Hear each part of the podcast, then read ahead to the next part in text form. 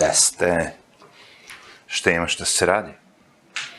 Evo mene ponovo, da napravimo još jedan, da kažemo, podcast, pošto video nemam. A, desi mi se tako mnogo puta da nemam video, da pokrijem priču, a, i onda kao, e, neću, ajde da pričam sad kad nemam video, ili daj da snimam nešto, bilo šta, ono kao, čisto da ima nešto da ide, da čangrlja ispod mog glasa, ali shvatio sam ako budem čekao tako, a ponekad imam šta, padne mi na pamet da pričam, ono, bez veze je, bolje da pričam i snimam, ako mogu da snimim audio, stavit ću neku sliku i boli me, uo, neki ide život. I onako većina vas tu, koji dođete, želite da čujete šta ja imam da kažem. Tako sam ja doživeo moj kanal. I onda, da ne bi mnogo, kako bi rekao, bez veze čekao, bolje da snimam, kad god mi šta padne na pamet. Tako ti je to. A ponekad mi padnu neke ideje na pamet. Ja, nekad su crne, kao i ovoga puta, nekad su svetle, nekad su optimistične, kao optimista, moj bivši kanal, nekad su pesimističke kao pesimista, moj bivši kanal, a nekad su Big Zaeb, moj sadašnji kanal. Ali u principu tema je možda dark za nekoga, za mene nije uopšte. Uh, pitanju je tema strah. Sad ne znam koliko je ta tema, moj prvi video na ovom kanalu je bio sloboda. Uh, to bi bilo nešto kao kontra od slobode je strah. Po meni, naravno. Ali svako doživljava drugačije sve, tako da, ko zna, Pa da krenemo, što kažu. Prvi i najveći strah koji sam ja primetio kod ljudi je, naravno, strah od smrti. Znači, smrt bi bila neka, neki najveći strah od svakoga i hoću reći, većina ljudi na planeti koji ne znaju da žive život ili nisu naučili se plaše smrti. I Meni lično, kad sam saznao da je smrt prirodna pojava kao dete, i imali ste verovatno nekoga koga ste izgubili, babu, dedu, ne daj Bože, roditelje, ja volim da kažem, nek ide po redu, znači, kako ko odlazi s ove planete, trebalo bi ipak da bude, znaš, prvo da odlaze najstariji, pa onda mlađi i onda znaš, neko, trebalo bi proživjeti život pre nego što odete sa ove planete. Tako nekako vidim uh, moje viđenje. Sad opet neko može da kaže, ako ti je život bedan, uh, mogao bi da odeš i ranije, kao James Dean, to jest James Dean. E, nisam siguran. Verujem mi da bi taj James Dean voleo da ima unuke. Da bi voleo da ono kao mu unuk sedne na krilo i da mu priča priča. Jo, kad sam bio mlad i lep, furao sam najbolje ribe, ovo ono, znaš. Tako da ono kao, da biste živeli dugo, duže, morali biste da se hranite pre svega pravilno, da ne unosite u sebe koje kakve gluposti, koje su izmislili ljudi u novije doba. Ja uvijek volim ljudima da kažem, e, kad god krenu da koriste sve ta govna, sadašnjice, današnjice, da se zapitaju kako su ljudi živjeli pre 500 godina, s čim su prali zube, šta su jeli za doručak, da li su se mazali pomadama i kremama i stavljali u sebe suplemente, i sva živa ta, sve žive te gluposti ili je ono bilo šta imaš na tu svom selu gde god da si živeo, ono kao to ti je i gotovo. mm. Nego da se vratimo mi na strah od smrti. Znači, ako ste ono u fazonu spoznali smrt kao mlađi, kao što pre ste spoznali da smrt postoji, kapiram da vas manje tangira, manje vam je to a, problem u životu, manje razmišljate o tome, ali pod jedan, smrt je prirodna pojava. Znači, rođenje i smrt su jednaki.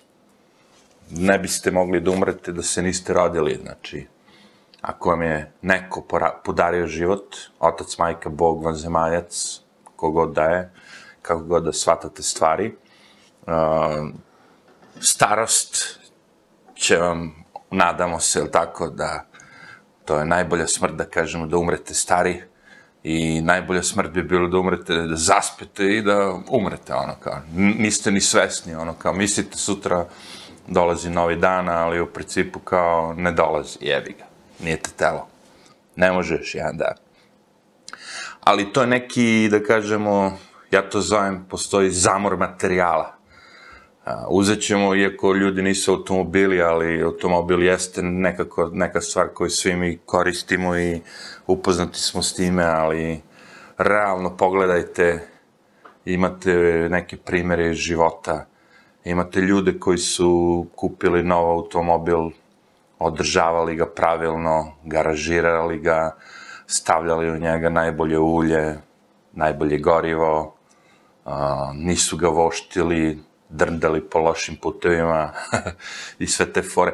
Taj automobil je stvarno u stanju da traje dugo, samim tim vidite da oko vas da postoje old-timeri, stari automobili i da, hm, iako su mnogi propali, neki su opstali zato što ih je neko čuvao. A, samim tim i vaše telo je vaš, da kažem, automobil.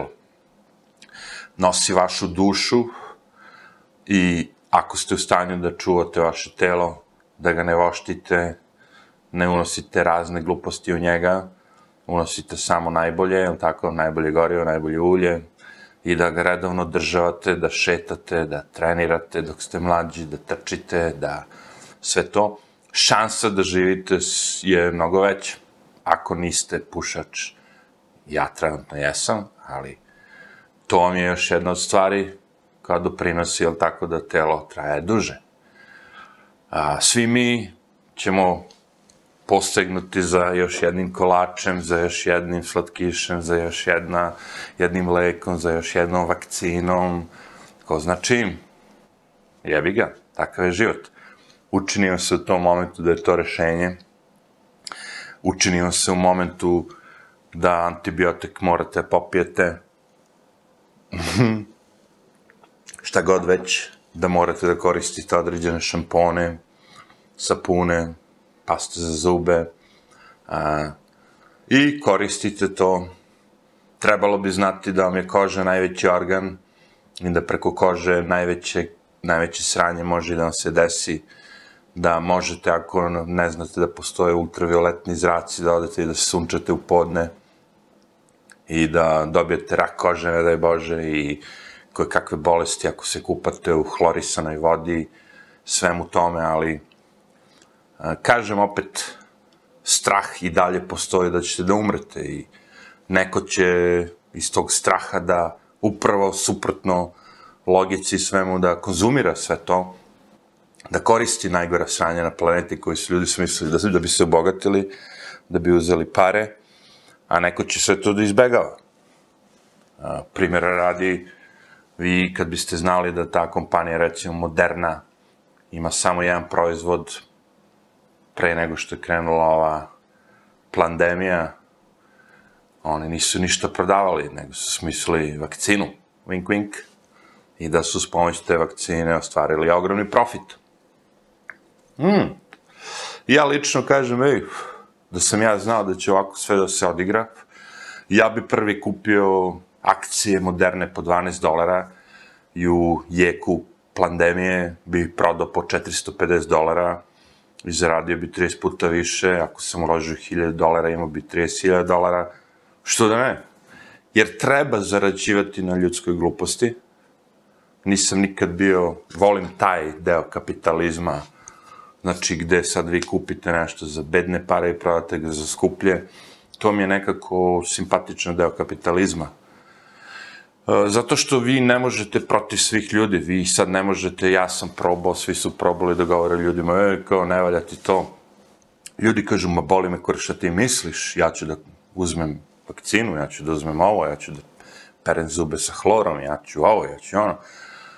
I kad shvatite da su ljudi takvi, da srljaju u smrt, a, vi ono kao jebi ga, brate, što ja ne bi barem zaradio od tebe, znaš, zaradit će neki Bill Gates, zaradit će neki drugi hoštapler, ono kao, ja možda nisam veliki hoštapler kao oni, ali ako već nudiš meni da ja zaradim na tebi, što da ne, znači, nisam neko ko se libi toga. A, naravno, moj lični stav je ne treba to sve, ali u fazonu ako ti želiš da piješ otrov, ja mogu da kupim otrov po dolara i da ti ga prodam za 20 dolara i da zaradim umesto nekog drugog što ne bi to bio ja. Znači, nije poenta kao ja sad tebi pričam, ti moraš da piješ otrov. Ti moraš da piješ otrov. Ne. Ti si odlučio 99% da ćeš da popiješ otrov. I u tom slučaju već, ako si ti taj koji je odlučio to i kraje, a ja sam neko ko može da ti to ponudi, brate, što da ne, rokaj se, idi, ovo ono. Kao to je surovo ono, ma kakvi, to uopšte nije surovo. To svi vi radite svaki dan. To svako radi svaki dan. Kogod prodaje nešto nekome, bilo da je usluga, bilo da je proizvod, vi to radite svaki dan. Šta god da je u pitanju. Hleb, hleb, mleko, mleko, nekog će hleb da ubije, nekog će mleko da ubije, nekog će da ubije, nemam pojma šta. I vi ste jedan od, da kažemo, činioca, vi ste neko ko u svemu tome učestvuje, jer vi živite na ovoj planeti i da biste zarađivali, vi morate da privređujete nekome, bila to najveća kompanija na planeti, Moderna ili Pfizer ili ne znam ko, Tako da imao sam priliku da se susretnem sa nekim ko radi za Pfizer. Da li ti misliš da sam ja došao kod te osobe i rekao, ej, ti si ubica. Ili ti si ovo, ti si ono. Znajući koliko su oni platili oštete ljudima koji su sjebali zato što su ljudi koristili njihove proizvode. Kakvi, boj sačuvaj. Pričao sam normalno kao što pričam sad s vama nisam im drug, nisam im prijatelj, ne idem s njima na more, ne znam šta, ali razumem zašto to rade. Neko to radi svesno, neko nesvesno. Uh, neko će reći, ali ti bi sad trebao da imaš neki moral. Uh, moral u smislu, znaš da to je loše po nekoga, i znaš da će ga to ubiti, a i dalje si ti zastupnik svega toga, prodaješ to ljudima, ne, vrate. Ti obavljaš posao, kažem ti. Svi mi obavljamo posao za nekoga. Svi mi radimo za nekoga. Ko te poslao? Neću da ti kažem. I point je tome da li ti želiš sada da odradiš posao i da naradiš svoje dete, da naradiš svoje ego, da naradiš ovo, da naradiš ono, ne znam šta, na lakši način ili na teži način. Pametni ljudi koji su perfidni, ono, ne znam, veći prevaranti, kako god hoćete, će uraditi to na lakši način, neko na teži način. Ali svi mi na kraju radimo iste stvari. Nije isto, kaže neko. Taj što prodaje Pfizera, on ubija ljude. Baba što prodaje na pijaci jaja od svoje kokočke, čista, organska, ovo, ono, ona ne ubija. Otkud ti znaš? Otkud ti znaš? Pa znam. Mnogo, mnogo bolje je da se unose jaja u organizam nego vakcina Pfizera, ovo ono. Kažem. Otkud ti znaš? Šta ko je neko alergičan na jaje? A nije na Pfizera. Ti ćeš ubiti nekoga ko je alergičan na jaje. Razumeš? Ali verovatnoća da će neko da umre od jaja, to je tačno. Verovatnoća da ćete da manje najebete ako budete jeli jaja, nego kljukali se lekovima, tačno je to sve. Ali opet kažem, to je odluka ne, konzumenta, to je odluka nekoga. Nisam ja taj koji drži 200, 300, 500 kanala na kabelskoj televiziji i kontroliše internet i zabranjuje ovakve videe na YouTube-u i ne znam šta. To nisam ja.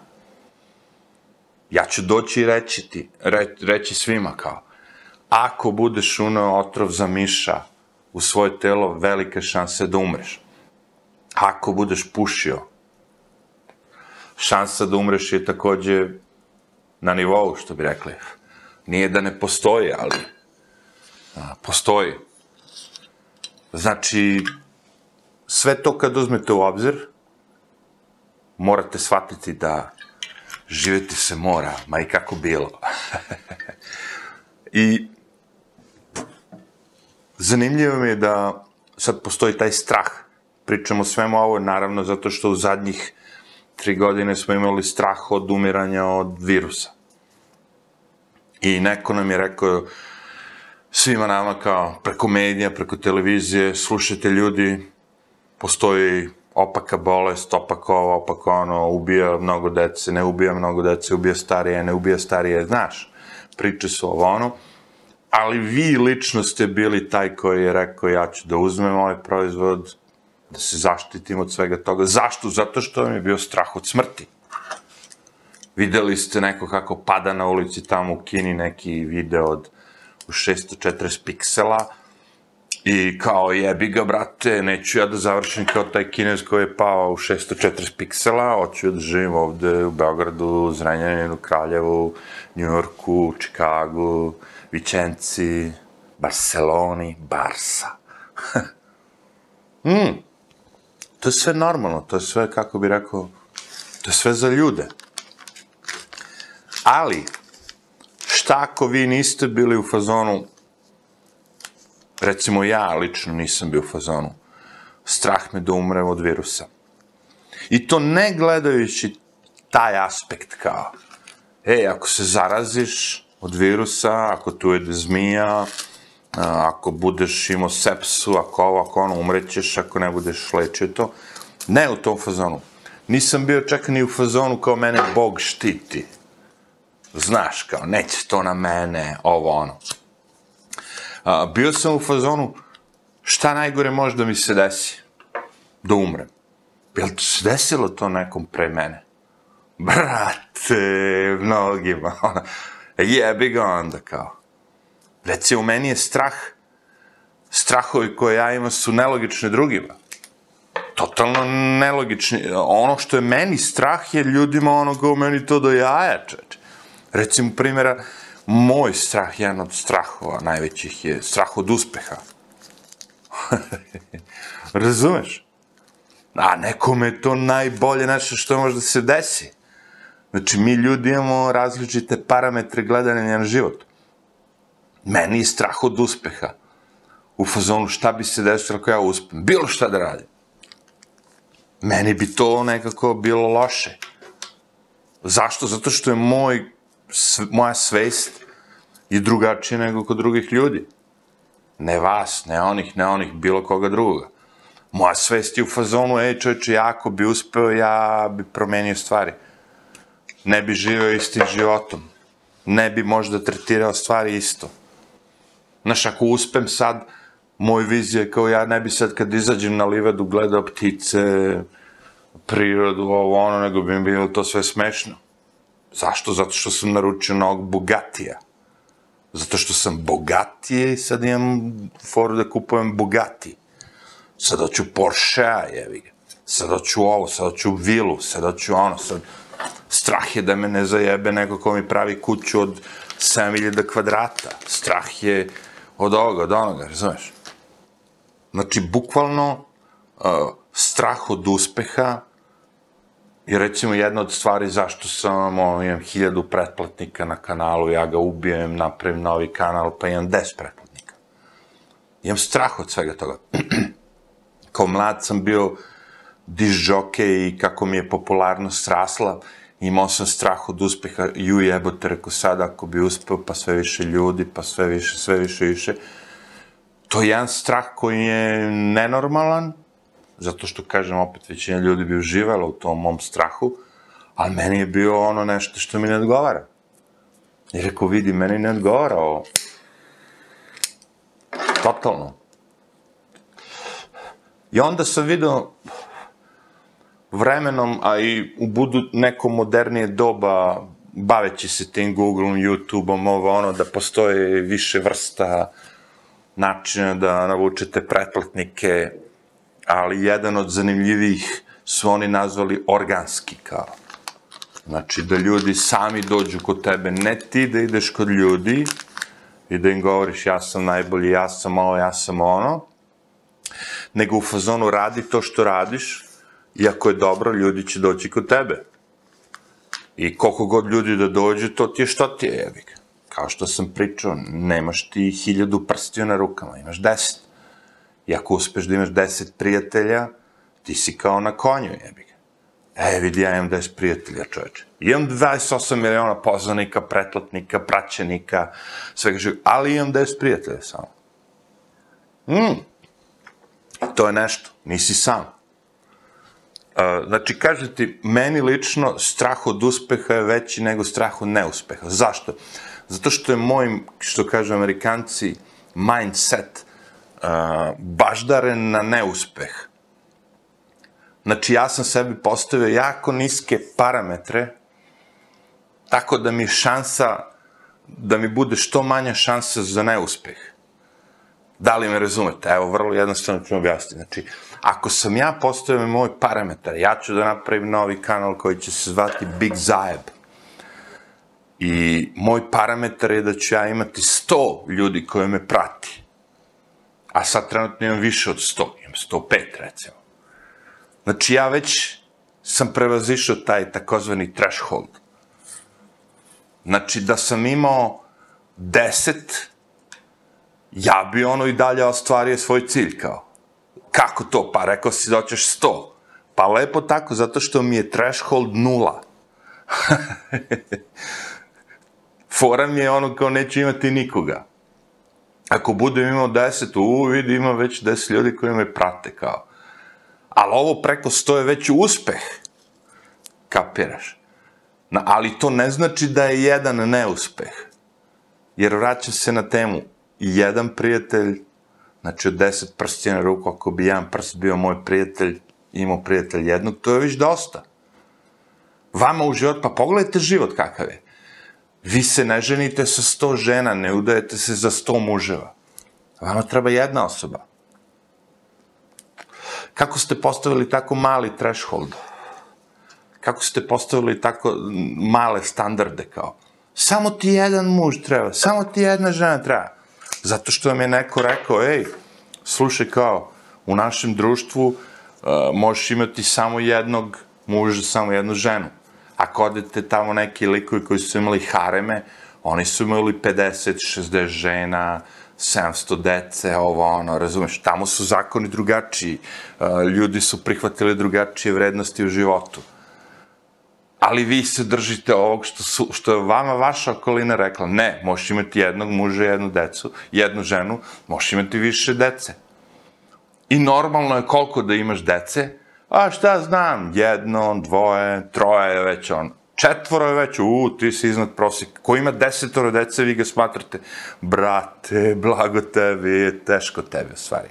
A ne blago tebi. Mislim, blago tebi u smislu, ko voli decu, on će reći blago tebi, ali ko zna koliko treba vremena i da se jedno dete, dvoje, dvoje dece, troje dece, ono, izvede na pravi put, on zna ko je to, to ti daš deo svog života. Neko ko se opredeli da ima decu, on je dao deo svog života. Imate neke ljude koji idu tako po ceo dan se provode, zajebavaju se ceo život, umru sami. I imate vas koji imate jedno, dvoje, troje dece. Ta deca vam čine zadovoljstvo.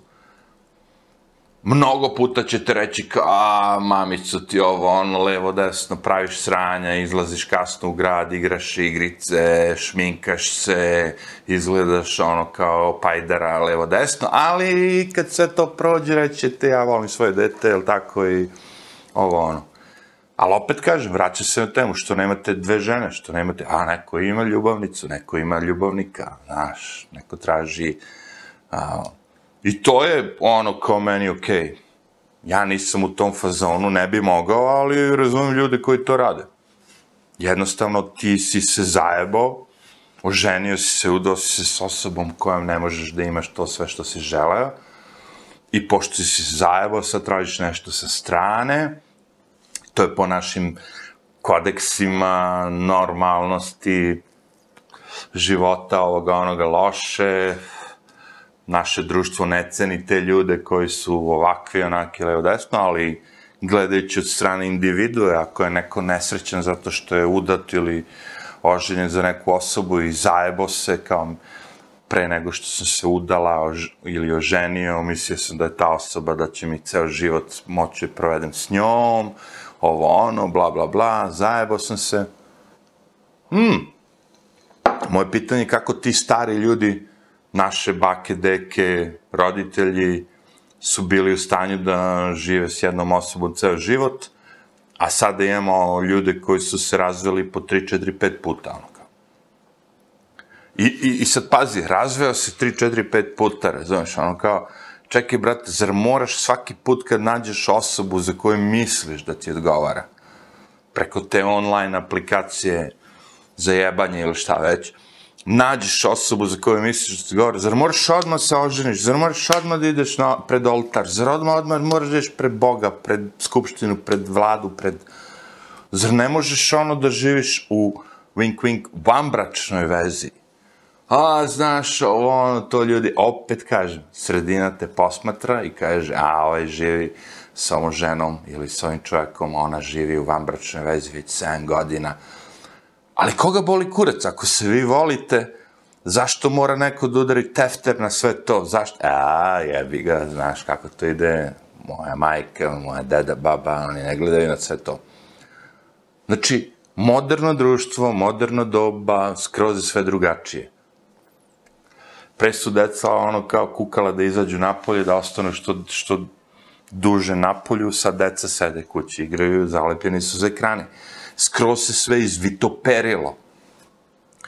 Neko će braniti to i reći ovo je moderno doba, ovo je novo, ovo ono, uh, tad se tako živelo, jer ti ako si odrastao na selu i sad kad ustaneš jebi ga imaju tri krave, četiri koze, pet ovci, ovaca, da se namiri, razumeš, ti nisi imao ono Nintendo, ti nisi imao PC, ti nisi imao Xbox, Sony PlayStation, mobilni, aplikacije, Facebook, MySpace, ovo ono, levo, desno.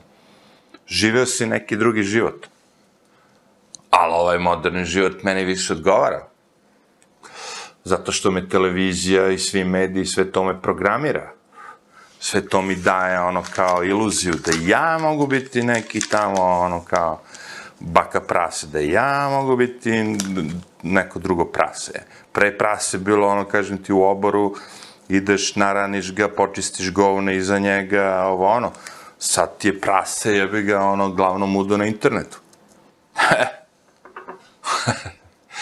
Dobro ime, jebi ga, smem da priznam, baka prase. Mislim, ono, jebi ga. Ipak je bolje Rambo Amadeus, svjetski mega cara, ali ono, kao i baka prase nije loše, jebi ga. Morate priznati. Lik ima ono vijugu za šta god već, čime toliko bogat. E sad kažem opet, da se vratimo na našu temu, na naš početak priče, jevi ga. Strah. Strah od smrti, kažem. Meni je strah od uspeha, nekom je strah od neuspeha, uh, strah od uspeha u smislu kod mene da živim dugo. Ja ne znam šta je to živeti dugo. Znaš, ja ne gledam tako život, meni je fora veća ako je Jamezdin, takozvani James Dean, živeo 22 godine, 23 godine, ako je Marilyn Monroe živela isto tako par godina više ili manje, ne znam, stvarno. Ali im je život bio ispunjen, uživali su u životu, ovo ono, pa neka bude tako umri onda u 30. godini, pogini u 30. godini, šta već, ovo ono. Ali živeo si punim plućima. Jer više puta sam se ono zatekao sam, gledajući te ludake što skaču sa planine i imaju padobran i šansa da prežive upravo vezano za to da li će taj padobran da se otvori ili neće, onda voze brza kola, recimo Sena, ovaj onaj, ili znaš, bave se nekim opasnim stvarima, kojima adrenalin skače I, I sve to ja rekao, i kako možeš tako da budeš lud, pa sad možda pogineš, ovo ono. Ali njihov život je bio ispunjen za njih. On je rekao, boli me kurac ako, ako poginem sa 20 godina. Ja hoću da živim barem do te 20. godine punim plućima, što kažu. Neko kaže, ne, ja želim siguricu. Pa ta sigurica o kojoj pričamo sve vreme, je upravo ta monotonija, da ti je dosadno, da ti je ovo, da ti je ono, levo, desno. Život je rizik. Čim si se rodio, uh, šansa da te napadne hiljadu virusa, hiljadu bakterija, hiljadu ovoga, hiljadu onoga, svega živoga postoji. I ljudi koji su pustili decu da se igraju po blatu i da ne znam šta, ono kao, njihova šansa da opstanu je bila veća nego ne, nekog deteta koje je živelo u nekim izolovanim uslovima, koja je ono stop imala mm, šta god da se desi, da je doktora, da je ovo, da je ono. Malo roditelja ima muda da se kocka s time, je tako? Dete ti je bolesno i sad će ti reći, je kao ja ću sad da mu dam luka, da jede beloga, hranit ću ga dobrom hranom, ono preživeće. Većina ljudi će reći, ma daj, nemoj zebati, vodi kod doktora. Znaš, koje su debate bile sa tim, kako se zovu, ovaj, ti ljudi koji su verovali previše, da kažem, u Boga i dete mu se razboli i sad svi znamo ako bi to dete dobilo neki antibiotik, ovo ono šansa da preživi mnogo veća nego ako ostane kući i moliš se Bogu da će dete preživi. Mnoga deca su umrla zbog toga što su roditelji bili verovali u, verovali u sve te da kažemo, Boga, ovoga, onoga, sve, svega živoga, a nisu hteli da iskoriste taj deo medicine, jebi ga. Što je smišljen, što se dokazalo kao, okej, okay, ovaj lek će da ti pomogne da ti dete preživi, zajebi Boga sad, daj nek ti dete preživi. Ne. Ja verujem, Bog je sve... Ako on želi da ga uzme, uzeće ga. Dobro, brate, ali ne ga uzme onu saobraćaj nesreće, znaš, on, ja sad crnjak pričam, ali razumete šta pričam, ono, kao. Nemoj ti da budeš taj koji odlučuje, ono, kao. Ne, kao, Bog je taj, mi smo mormoni, naša religija, naša crkva ne dozvoljava mešanje svega toga, mi ne koristimo ni struju, mi se ne vozimo sa automobilima na gas, ne da Bože na struju kao Tesla, mi koristimo kočije i lečimo dete sa ovim i sa onim stravama. znači, svega tu ima. Ali, cela pojenta priče je strah. Znači, pretpostavljam da smo zabišli sve to, više nismo deca, nisu deca u pitanju, odrasli ste, ovo ono, traživite, da kažem, punim plućima, treba da razmišljate svojom glavom, da donosite odluke, ovo ono, strah od uspeha, strah od neuspeha, strah da li ću se oženiti, udati dobro, strah od svega, svi ti strahovi su upravo suprotnost tom životu. Jer ako želite da živite punim plućima, strah bi trebao da zauzima u vašem životu najmanje najmanje bi trebalo, da razmišljate o strahu. Ja kažem, kao klinec sam čitao par knjiga, ono, kao koji su bili vezane baš upravo za tu psihologiju ljudi i dok su moji ortaci kupovali stripove i čitali stripove, ono, ja sam čitao Dale Carnegie i ovo, ono, kao... I neke knjige baš bukvalno mini, da kažemo, freudovske, gde sam stvarno ono, nailazio na gomile nekih jednostavnih, da kažemo, pouka, poruka, jedna od njih mi je uvek bila zapala za uvo, uvo da kažem, aj ne oko, ali je recimo ne treba plakati za prolivenim mlekom. Hoću reći, postoje stvari koje možete sanirati, postoje stvari koje ne možete sanirati. Znači, ako vam se prospe, recimo, kilo brašna na pod, vi dalje možete da pokupite to brašno s vrha i da ga sačuvate i da od kila brašna ostane 500 grama, ali ste sačuvali 500 grama. Ali ako vam litra mleka iscuri na pod, gotovo je. Cela ta litra mleka je propala. Jedino možete da sagnete dole i da ono, ližete to mleko, ali razumeš? Znači, po, postoje neke stvari koje možete malo sanirati, a postoje stvari gde je sve propalo. I ne treba plakati za time kad prolijete litru mleka, proliste, idemo dalje, život teče dalje, napravi novu litru mleka, pomuzi kravu, imaćeš novu litru mleka, sutra je novi dan, idemo dalje, idemo dalje. Život je takav. Nekad je dobar, nekad je loš, nekad ovo, nekad ono, ali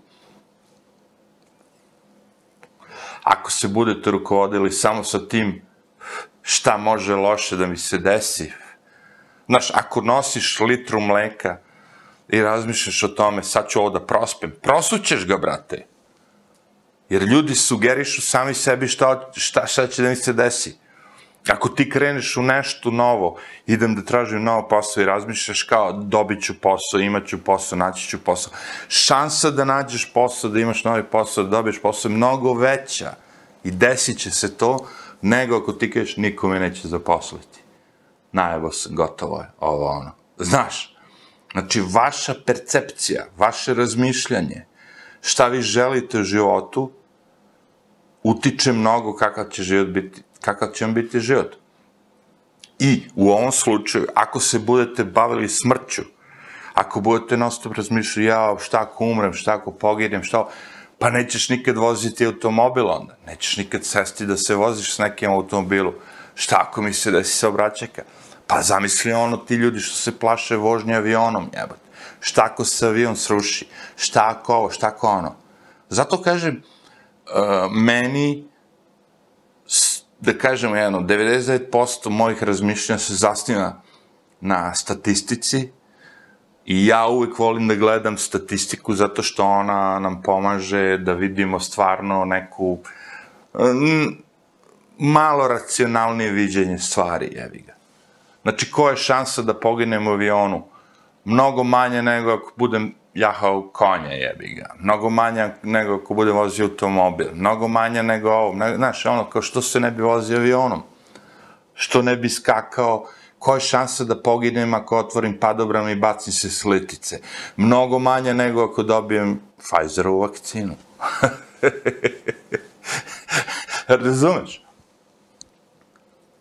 Znači, sagledavanje svega toga, statistika, racionalno razmišljanje, logika, sve to nam pomaže u životu da ne donosimo loše odluke.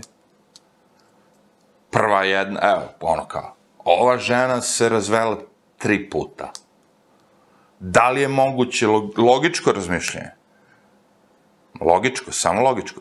Da li je moguće da ta su tri lika bila toliko loša, a da je ta žena toliko dobra, ne važi samo za ženu. Evo, uzet ćemo da je lik u pitanju. Ovaj lik se razveo tri puta. Da li je moguće da su sve te tri žene bile toliko loše, a da je on dobar, ili je obratno? Da je on loš i da nije svaka žena kad, su, kad je spoznala da je lik loš kao fuck this, koji će mi kurac svakao lik u životu. To vam je statistika, to vam je logika, To vam je sve to što morate da u životu pražnjavate, učestvujete u tome, razmišljate o tome kad prolazite, kad gledate, kad bilo šta radite u životu. Znaš, sad odem i, i, i, ono, bilo šta da radite u životu. Hoću da kupim televizor, jebi ga. I sad imamo pet modela, jebi ga. Ova je najeftiniji, ova je najskuplji, ovo ono. Neko dođi i kaže imam para, uzet ću najskuplji. Neko kaže, ja nemam para, uzet ću neftiniji. Vi sad morate da odlučite kao neka obična osoba da li ćete uzeti najeftiniji, najskuplji, srednji, drugi, treći, četvrti, peti. Na osnovu čega? Na osnovu vašeg istraživanja, na osnovu statistike, na osnovu svega. Vi morate da, da uključite sve te stvari u svoj život kako biste donali odluku. U ovom slučaju odluka je banalna. Ali ono kao dešava se da kupite najeftiniji televizor i da piše garancija dve godine, nakon dve godine i prvog dana televizor ikne. Kupite automobil, kaže tri godine na motor garancija, nakon tri godine i jedan dana motor ikne. Vi sve to morate da ubacujete u mozak, da analizirate ovo, ono. Ko će tim da se bavi, nemam ja vremena za to. E, jebi ga, Mićo. Ako nemaš vremena za to, a imaš vremena za zadrugu, a imaš vremena da provodiš i da igraš igricu na internetu, imaš vremena da gledaš praktično ženu na televiziji, imaš ovo, za sve drugo imaš vremena, a za ono što utiče na tvoj život, ono, ne da, mislim, ono kao, treba se ženiš, da se udaješ, da ovo, da ono, da živiš s nekim godinama. Ne, nemam vremena ni za to. Pa jebi ga, to košta. Ali, opet se vraćamo na početak teme, taj strah da ne ulazite ni u šta od toga i da igrate na sigurno i da igrate siguricu, je, i završa, košta mnogo više. Mnogo skuplje je sve to. I po da kažemo, nerve, i po život, i po sve živo. Jer samim tim što ne učestvujete ni u čemu toga i prepuštate se samo kao nekom ono, intuiciji, a ja mislim da će ovo ovako da bude, ne, pa brate, ima jeftinih načina ako hoćeš da se igraš s time. Evo gledaj jebote, cela Srbija ti ide u kladionice, jevi ide po ceo dan daje pare svim ti ljudima. Zašto mislite da sve te kladionice šljašte, imaju milione dolara, dinara, evra, svega živoga? Pa upravo zbog toga. Upravo zbog toga što vi idete i kladite se na pogrešne stvari, jebi ga. Zašto se vi kladite na pogrešne stvari? Zato što mislite kao, e, ja ću sada uspeti, ja ću biti taj koji je uspeo, eto tako da se kladi da dobije ovo ono. A ovi što su sigurica, koliko oni dobiju? 300 dinđi, 500 dinđi, ono, ništa u fazonu. E, znaš, ne bi baš da rizikujemo ovo ono. A ovi što rizikuju, što su kao macani, ovo ono, oni ponekad i dobiju. To ti je taj gambling, ono, kao, kockanje. E sad, kao, u kladionici mogu to, a u životu ne mogu to. Što ne možeš u životu to? Što ne bi mogao se kockaš u životu, jevi? Sa mnogim stvarima. Što sad samo možeš kao u kladionici se kockaš?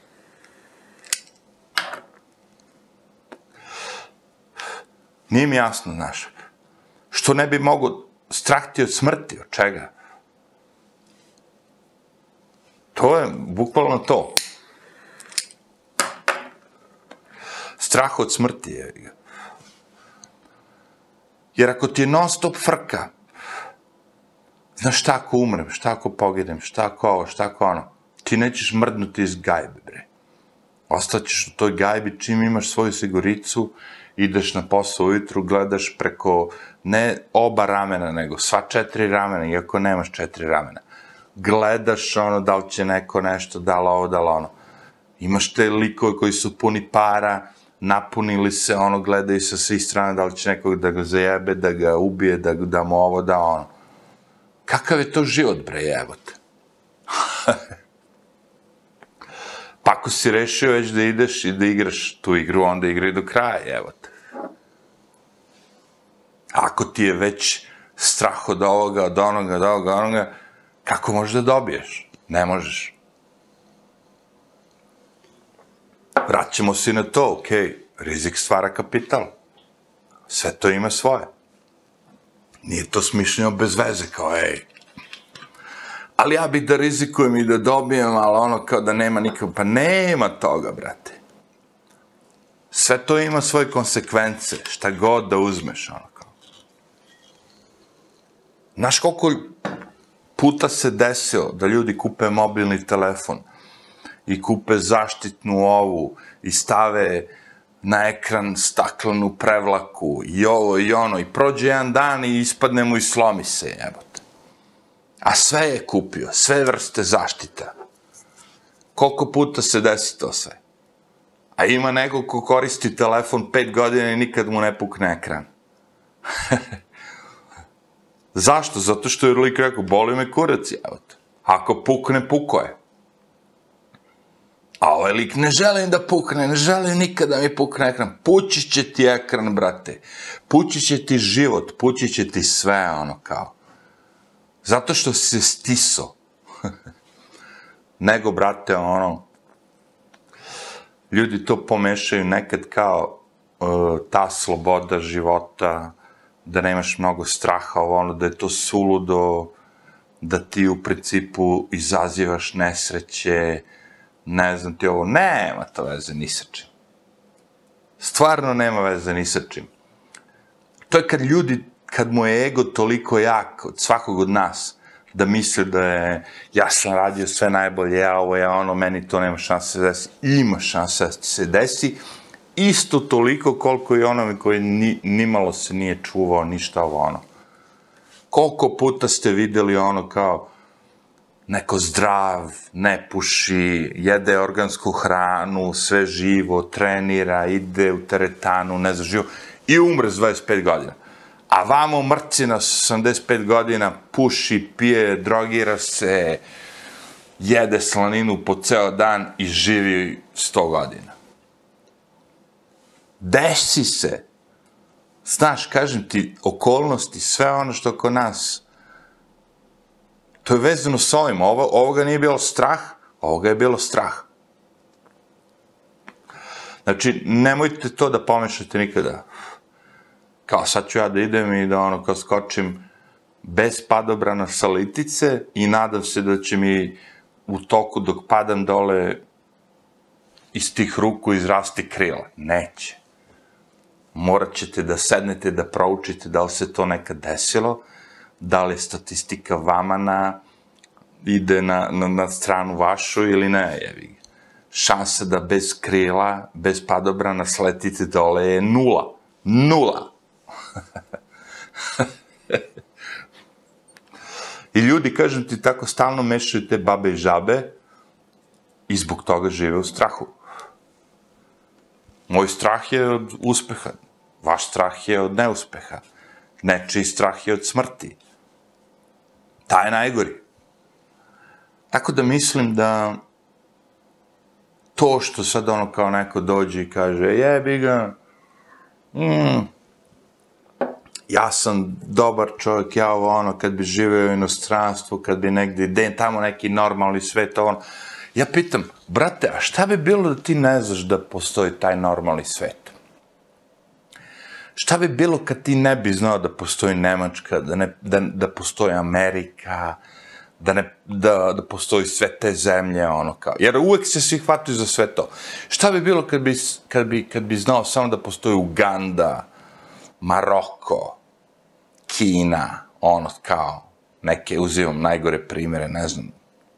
Šta, šta bi bilo kad bi samo negativno to video kao, Da li bi on rekao, ej, evo te, meni ovde živeti u Srbiji možda i nije tako loše, ili bi dalje rekao, ne, postoje vazemaljci, postoji NLO, postoji negde tamo bolje, mene je uteralo, usr, ono, skenjan sam ovde zato što me nije usralo. Zato, kažem, to je meni sve postalo, kako bih rekao, besmisleno pogotovo što sam bio napolje, živeo napolje, video sav taj svet koji kao on što smo mi težili, želeli da budemo ovo ono. I na kraju kad sve to saberem, shvatim jebote, brate, ja izađem na livadu i vidim travu, vidim drvo, vidim svraku, vidim pticu, ovo ono, i bude mi do jaja, a ovaj lik na sve to posmatra kao koji će mi to kurac u životu. Znači, nemam svog Bugatija, nemam svog Porschea. Ta materijalna dostignuća su totalno kontradiktorna od tog svog psihičkog dostignuća, šta si ti u stvari u, o, dostigao kao, kao osoba, kao individua. Da li ti kad vidiš nasmejano dete, nasmejanu ženu, nasmejanog muža, nasmejano šta god već, da li te to više ispunjuje ili to što si ti seo svog nog Porschea, gde ti ne moraš više da guraš ključ, nego pritisneš na taster i on se upali i taj zvuk motora je brum, brum, ono kao. Znaš, tu se ljudi vide ono ko je šta, ono kao. I većina ljudi koji dostigne sve to i uspe sve to u životu, na kraju kao ubio se. Što se ovaj ubio, jebote, kao. Imao je naj, sve naj, naj, imao je najnadrkaniju ženu. Bila je Miss Hollywooda 2023. Znaš, ono, ko že, deca mu idu u najelitnije škole. Sve naj, naj, naj. Što bi taj lik kao sad, znaš, ono, poželeo se ubije. Pa jevi ga, brate. Kao dotaknu, kako kaže ona naša pesma, dotakao sam dno života, jevi ga. Ovo je dotakao vrh života. Nemam pojma, jevi ga. I tu imamo istih tih problema, znaš, ako ti odrastaš, recimo, pazi, ja gledam te ljude, ja sam gledao njih, rodio se u Njujorku, I on kad je izašao i postao dete i sve živo, on je već sve to video oko sebe, solitere, ove, kako bi rekao, subway, sve živo, ludnica, haos, ovo ono. Znaš, on kad ode na livadu negde u ono kao, u Srbiju na livadu, jevi ga i neku ponudi kajmak i ovo ono, njemu to sve ono kao, e, šta će mi to, daj mi Big Mac daj mi moj fast food restoran, jebe mi se za tvoje mleko, ono, ne mogu ni da, ni da konzumiram to. Znači, to su sve, pa, to ti kažem. E, ovo su produkti modernog društva. Znači, da bi živeo moram da imam pastu za zube. Da bi živeo moram da imam najnovije od, od ove od ove firme, da bi živ... A tek ti pomodari, znaš, tipa Gianfranco Ferre, Prada, ovo, ono, sve živo, kao firmirana roba, što bi rekli, ovo, tek ti, čoveče. Razmislite kako je jadan taj život, jebate. I, pazi, ja sam kao, ono, kao klinac sumnjao sve to, ovo, ono, kao... Bio sam jedan od tih na početku možda do jedno 18. godine koje je bio rob brendovima, svim tim živim, ali sećam se nekih stvari u životu, znači čim probate da iskoračite iz svega toga, postajete jak, mnogo moćniji. U moje doba, recimo, možda će nekom zvučati ova priča smešno, ali ne veze. Kad sam ja bio klinac, imati Levis 501 jeans je bio kao neki prestiž i do duše mislim da je postojala firma Vartex, da se zvala u Hrvatskoj, koja je proizvodila po licenci to. Od kompanije Levi's, kod nas se zvao Levis. Uh, I da su oni kao pravili to, međutim, ako nisi imao strani Levis 501, Levi's 501, nisi bio mudo ovo ono. Ali sećam se kad sam prvi put otišao u Nemačku, znaš, kao klinac, tako ono, u srednjoj školi, um, što će možda nekome zvučati malo besmisleno, ali ne veze. Uh, kupio sam kartu, pošto sam živeo u Smederevo, iz Beograda, 100 maraka nemačkih je koštalo da se ide u Minhen. Uh, bus je čekao negde, da li na Slavi u Beogradu ili ne znam gde već. Ti odeš, sedneš u bus i on te dovede u Minhen, imaš praktično jedno 15-16 sati da kupuješ stvari, a onda se vratiš istim tim busom ono, nazad. I znam da kad sam, pošto sam ja to radio da bi kupovao audio kasete, sad ljudi ni ne znaju šta su audio kasete, ali nije ni bitno, ljudi su drugari ovo ono govorili, ej, kao aj već kad ideš u Minhen, kupi mi Levis 501, kupi mi Levis 501, pošto je tamo bio original ovo ono. I sećam se da smo kum i ja baš otiš, da sam ja kad sam otišao da kupujem, meni kum rekao kupi mi, ali nemoj Levis 501, i ja rekao dobro. I ja lično sam isto kupio Levis 507, on kupio Levis 509. Što je bilo ovako u to doba nezamislivo, ali povod za to je bio, pošto ja sam ušao jedne noći u kafić i sedelo je osam ljudi za šankom i svih osam ljudi su imali Levis 501. I mi smo bili u fazonu koji će mi kurac da imam Levis 501 kad svi imaju, hoću Levis 500 nešto drugo. I ja sam njemu ili on, ne znam ko već je kupio Levis 509 CV, znači totalno i druga boja i drugi model, onako, a ja sam kupio, lupam sad, farmerke tipa Americanino, firma koja je ono, skroz drugačija od Nini Levis, onako. I mi kad smo došli i počeli da furamo to u našem gradu, sve više i više je bilo ljudi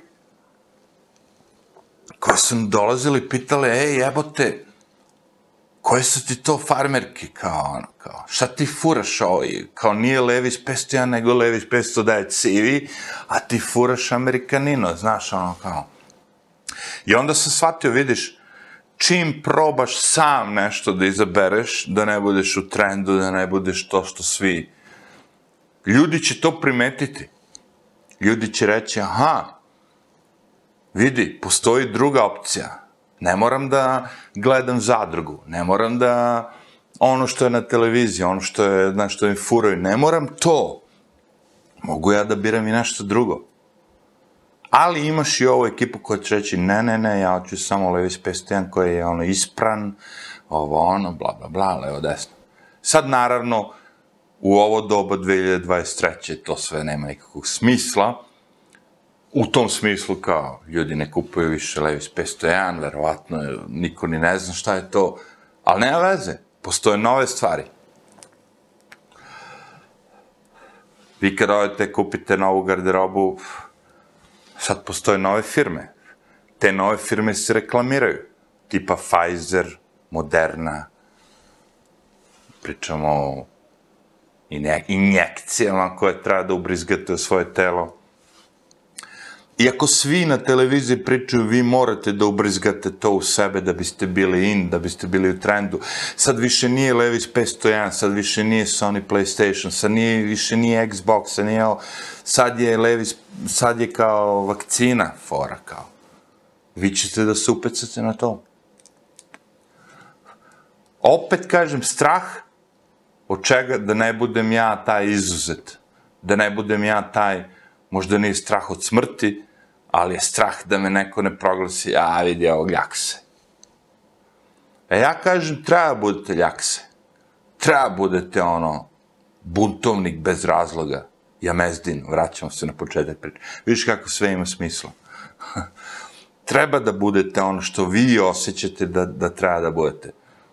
Treba da, da, da ono, kao, ne glumite ludilo treba da, da, da, da ne idete po trendovima, treba da se razlikujete, treba da kažete boli me kurac što ti sad furaš taj plastični američki sir na Big Macu, jebe mi se moj sir iz mog kraja bolji od svega. Neke ljude ne možete zajebati, ali, kažem, uz pomoć medija i svega živoga možete ih zajebati. I taj strah od smrti je upravo bio u zadnje dve, tri godine ono kao najzastupljeniji od svega, zato što su vam ulili strah od smrti, da možete da umrete od nekog virusa koji ono kao niko na planeti ne može da se bori protiv toga.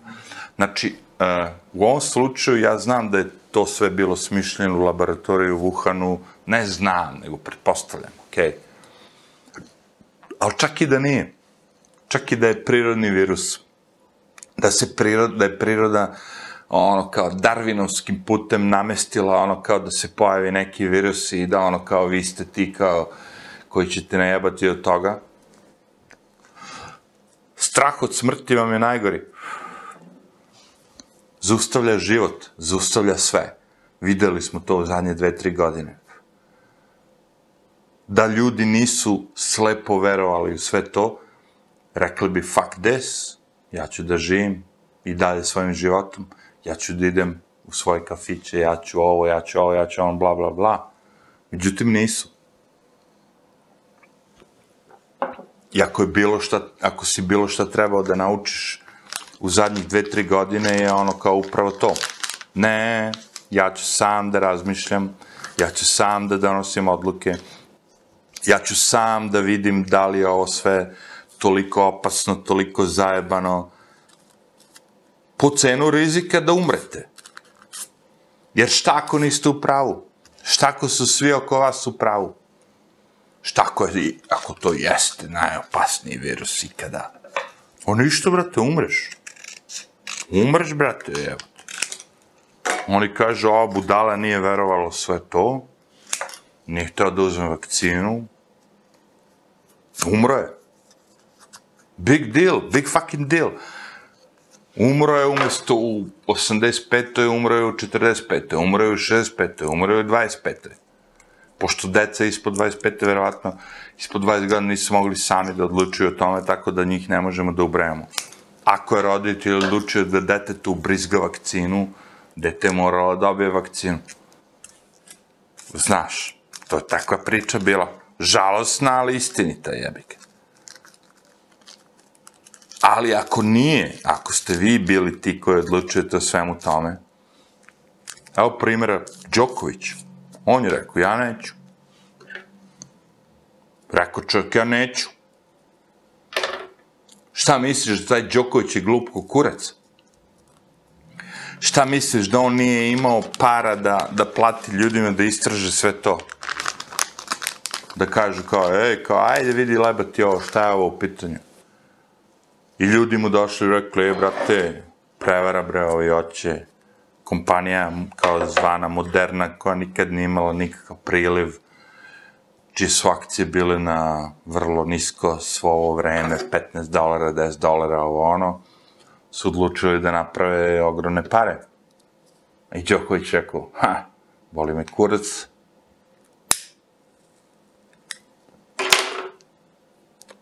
nek prave pare na nekom drugom, na meni neće. Ali nećeš moći da igraš na svim tim turnirima. Jebe mi se, bre. Imam para, bre. Imam para da kupim pola Srbije, ono, kao fazono. Ne treba mi sve to. Ne treba mi 60 titula da sam pobedio i Australian Open. To mi nije zadovoljstvo. Zadovoljstvo mi je da ostanem ono što jesam. Da moji geni ostanu onakvi kakvi jesu. Zamisli da je Đoković imao strah od smrti. Da li bi se vakcinisao? Brate, samo tako. Ali nije imao strah od smrti, jevi ga. Nije imao strah od neuspeha, pošto je uspeo u životu. Jer realno, ako pobediš svaki od tih turnira u kojim si kao neka faca, po jedan put. Ti si već dokazao, e, brate, ja ovo mogu da uradim. Ako mogu jedan put, mogu i dva put, mogu i tri put, mogu i četiri, mogu i sto puta, ono, ako bi živeo 200 godina. Znači, uopšte nije u tome fora. Dokazao sam da sam, ono, kao... Možda i Đoković ima strah od uspeha, jevi ga. Možda i on rekao kao, ej, što bi ja morao da budem najbolji teniser sveta ikada? Meni je dovoljno što sam najbolji teniser u Srbiji. Ikada. Možda će doći za 100 godina neko ko je, će biti bolji od mene. Svaka čast. To hoću da vam kažem. Pobediti strahove, pobediti ono kao strah da ostanem sam, strah da ostanem bez dece, strah da ostanem bez ovoga, strah da ostanem bez Porschea, strah da ostanem bez Xboxa, bez ovoga, bez... To je sve ono kao ljudska psiha, ono kao. Ako vi niste u tom fazonu, ako ne igrate njihovu igru, ako ne, ako ne želite da budete u tom klubu, vi ćete biti outsider za sve njih, vi ćete biti odstupnik, vi ćete biti, ja sam bio petokolonaš, neko ko mrzi ovoga, neko ko mrzi onoga, davat će vam razne epitete i loše stvari i sve živo. ako vi budete u fazonu da, da prihvatate da neko drugi sa svojim izjavama, sa svojim mišljenjima, sa svim živim, može da vam kroji život, najebali ste. Ali ako budete slobodni, imate slobodu govora, misli, bilo čega drugoga, i kažete, ok, šta god neko drugi misli mene i mene ne, ne ne dotiče, nego nemam nikakve ni finansijske, ni psihičke koristi od svega toga. Niti ću zaraditi ako bi im se poklonio, niti će mi biti bolje psihički ako bi im se poklonio. Vi možete da živite svoj život normalan, običan, bukvalno. Da biste sve to uradili, kao i uvek, savetujem vam što manje gledanje medija, što manje gledanje programiranja. Rekao sam, televizijski program je programiranje. Bukvalno. Television, ono, kao. Izbacite to iz upotrebe e, u fazonu što manje gledate šta drugi ljudi govore da vi treba da radite, sve više možete sami da odlučujete šta vi trebate da radite. Pre 500 godina nije postojala televizija, nisu postojali mediji, nije postojalo to programiranje ljudi da im se govori šta oni treba da rade. I ljudi su u većini slučajeva razmišljali svojom glavom. Pojavom svega toga, pojavom svih tih modernih stvari koje smo mi prihvatili zato što nam život čine lakšim, postali smo robovi svega toga. Samim tim smo došli do nivoa da bilo ko može da dođe u bilo kom momentu i da nam kaže sad moraš da se plašiš ovoga, sad ovo će da te ubije, sad od ovoga ćeš da umreš, ako ne uzmeš moj proizvod, šansa da umreš je veća, ovo ono, i, i mnogi su pristali na to. Ja ne. E sad, da li će me to koštati skupo? Boli me kurac.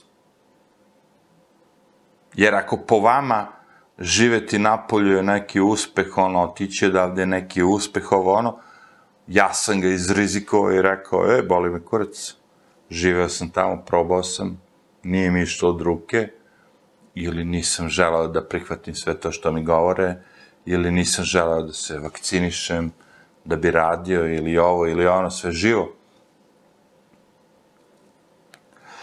Neko će reći, ispo si glup, i za to me boli kurac. Ispo sam glup za tebe.